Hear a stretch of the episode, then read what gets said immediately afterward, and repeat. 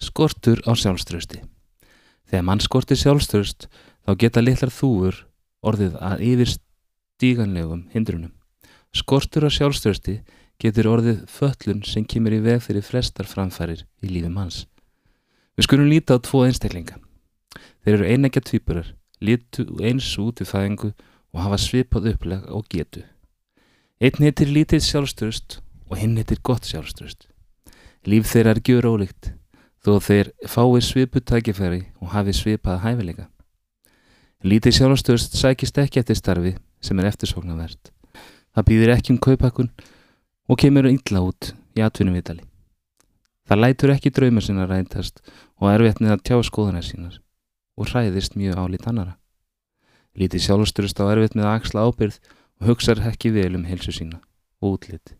Það er ekki jákvætt í eigin garð og neikvætt sjálfstal á greiðan aðgang að huga þess. Lítið sjálfstyrst og erfitt með að hugsa vel um sjálft sig og eigin hag. Það lætur oft aðra valda yfir sig og á erfitt með að segja nei við aðra.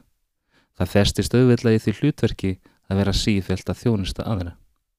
Valkosti þess minga með árunum og það upplifir sjálf að sig meira og meira sem fórnalamb. Í stuttum máli sagt, lífið er leikur, lítið sjálfstyrst grátt. Að meðan lítið sjálfstyrst kiknar undan lífinu þá blómstra gott sjálfstyrst. Það sækist eftir draumastarfísinu ef það fær ekki drauma vinna. Það skapar það draumastarfið sitt sjálft. Gott sjálfstyrst byður um kaupökun þegar það er líklegast til að fá kaupökun og það kemur vel út í atvinnuvitali.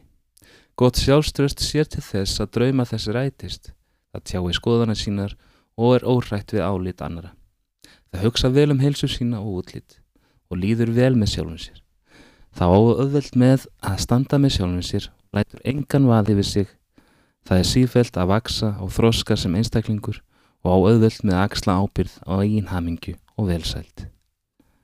Valkostir og frelsi góð sjálfströðust aukast með árunum og það upplifir sjálfst sig sem stjórnanda lífsins. Það er fært um auðlöst eða skapa það sem það vill inn í sitt líf og það er fært um að losna við eða eigða því sem það vill, ekki hafa í lífi sínu. Í stuttum máli sagt að lífið leikur við gott sjálfströðust. Þessi tvö dæmi eru náttúrulega íkt en ekki svo fjari salningunum þegar allt kemur til alls. Það er því til mikils að vinna ef eitthvað skortir á að þú hafið gott sjálfstöðst. Því ef þú hefur lítið sjálfstöðst, þá ertu raunin að snuða þig um ímislegt í lífinu. Það getur tengst hverju sem er. Sem betur fyrr höfum við flest gott sjálfstöðst á einhverju sviði í lífinu. Það getur verið að þú hafið gott sjálfstöðst í vinnumálum en væri svo með lélætt sjálfstöðst í tengsli við útlitið. Eða að þú værir með gott sjálfströst félagslega og í samskiptum en lítið sjálfströst í tengslu við vinnumál.